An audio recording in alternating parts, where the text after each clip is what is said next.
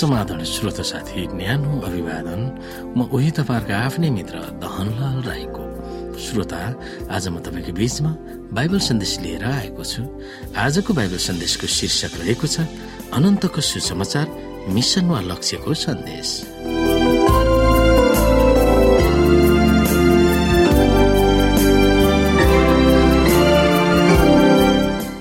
श्रोत साथी तीन स्वर्गदूतहरूमध्ये पहिलो स्वर्गदूतले दिएका अनन्तको सुसमाचारमा परमेश्वरको लक्ष्यका कुन भागहरू तपाईँ हामीले पहिचान गर्न सक्दछौ?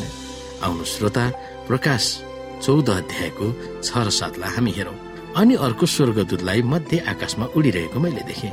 पृथ्वीमा रहने हरेक जाति कुल भाषा र मानिसलाई घोषणा गर्ने अनन्त सुसमाचार तिनीसँग थियो। तिनले चर्को स्वरमा भने परमेश्वरसँग डराओ र उहाँलाई महिमा दियो। किनकि उहाँको इन्साफको घडी आएको छ। स्वर्ग पृथ्वी समुद्र र पानीका मूलहरू बनाउनु हुनेलाई दण्डवत गर। अनन्तसँग सुसमाचार जोडिएका शब्दहरू बाइबलमा यही मात्र छ। सुसमाचार भन्नु नै अनुग्रहको असल खबर हो जुन यसो ख्रिसद्वारा उपलब्ध गराइएको छ। उहाँ यस संसारमा आउनुभयो ताकि उहाँले हामीलाई अनुग्रह र सत्यलाई देखाउन सकुन् उहाँले पापरहित जीवन बिताउनु भएको थियो र हाम्रा पापहरूको दण्ड हामीले बोक्नुपर्ने ठाउँमा उहाँले बोक्नु भएर क्रुसमा बलि हुनुभयो। उहाँ फेरि जिएर बौरी उठ्नुभयो र स्वर्गमा फर्किजानुभयो र पिताले उहाँलाई उच्च स्थानमा राख्नुभयो। आज उहाँले स्वर्गमा रहेको पवित्र स्थानमा रहनु भएर हाम्रो निम्ति पहल गरिरहनु भएको छ। उहाँ राजकीय र महिमा साथ यस पृथ्वीमा फर्किने उहाँको महान प्रतिज्ञा पूरा गर्न छिट्टो आउनुहुनेछ। अनि अन्तमा आएर सहर्ष वर्षपछि यही पृथ्वीमा नै परमेश्वरको राज्य स्थापना गर्नुहुनेछ। ती सबै अनन्त सुसमाचारको महत्वपूर्ण वास्तविकताहरू हुन्। त्यही पनि यो सन्देश अनन्त भएकोले यो अचम्मको छ। यस विश्वमा केवल एउटा मात्र सुसमाचार छ जसले हामीलाई मुक्ति दिन सक्छ। जबसम्म परमेश्वरको लक्ष्य पूरा हुँदैन त्यो सुसमाचारले निरन्तर पाइरहनेछ।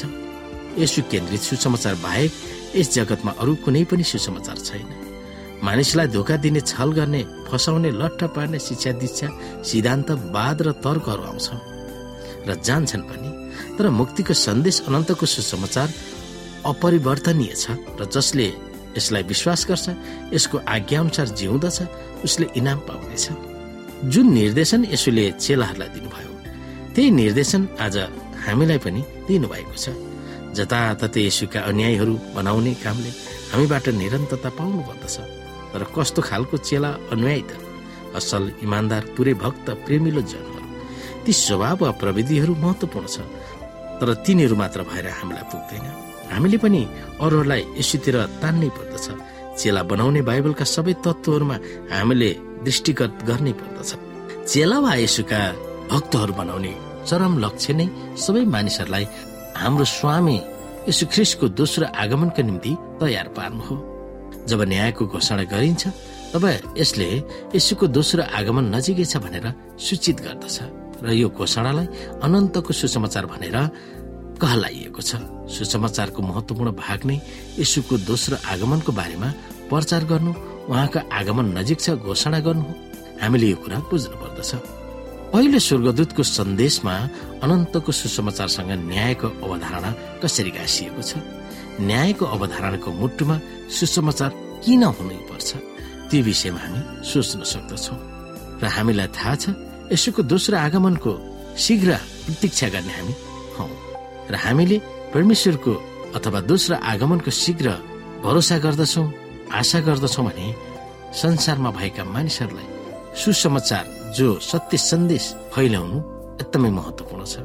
सुसमाचारको महत्वपूर्ण भाग नै यसुको दोस्रो आगमन हो। र त्यो आगमनको बारेमा प्रचार गर्न हामीलाई अराइएको छ अथवा हामीले यो कुरालाई पूर्ण रूपमा स्वीकार गर्नुपर्दछ। र आज हामीले संसारमा रहेका मानिसहरूलाई परमेश्वरको भक्तजनहरू बनाउने र परमेश्वरको महिमा र उहाँ नै हाम्रो स्वामी हुनुहुन्छ भनेर चिनाउने र दोस्रो आगमनको निम्ति हर तरहले तयार गर्ने काम हामीलाई सुम्पिएको छ। किनकि परमेश्वर चाहनुहुन्छ संसारका सबै मानिसहरूले मुक्ति पाउनु।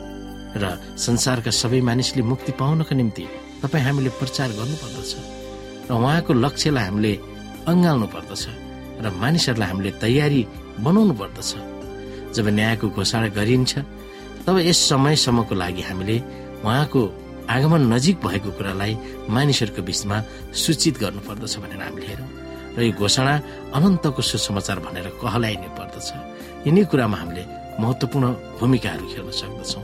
जब हामी वचन हाम्रो हृदयमा राख्दछौँ हामीले पाउँदछौँ र यिनै बेलादेखि हामीले आफ्नो कामलाई सुरुवात गर्नुपर्दछ कि मानिसहरूलाई परमेश्वरको भक्तजनहरू बनाउने र परमेश्वरको सबै लक्ष्यमा पूर्ण रूपमा हामीले भाग लिने र उहाँ नै हाम्रो स्वामी अथवा उहाँ दोस्रो आगमनको निम्ति तयार हुनुहुन्छ र यसको शीघ्र हामीले प्रतीक्षा गरिरहेका छौँ र जब यस ख्रिसको दोस्रो आगमन हुन्छ र सारा मानिसहरूलाई उहाँले आफ्नो आफ्नो इनाम दिनुहुनेछ भन्ने कुरामा हामी आधारित रहनु पर्दछ जब न्यायको घोषणा गरिनेछ तब यसले यसुको दोस्रो आगमन नजिकै छ भनेर हामीले सूचित हामीले पाएका छौँ र तिनै कुरा मानिसहरूको बीचमा पनि हामीले सूचित गराउनु पर्दछ। यिनै कुरामा हामी विचार गर्न सक्दछौँ।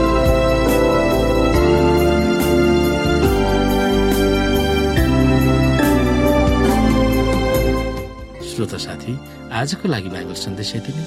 हस्त नमस्ते। जय मसिंह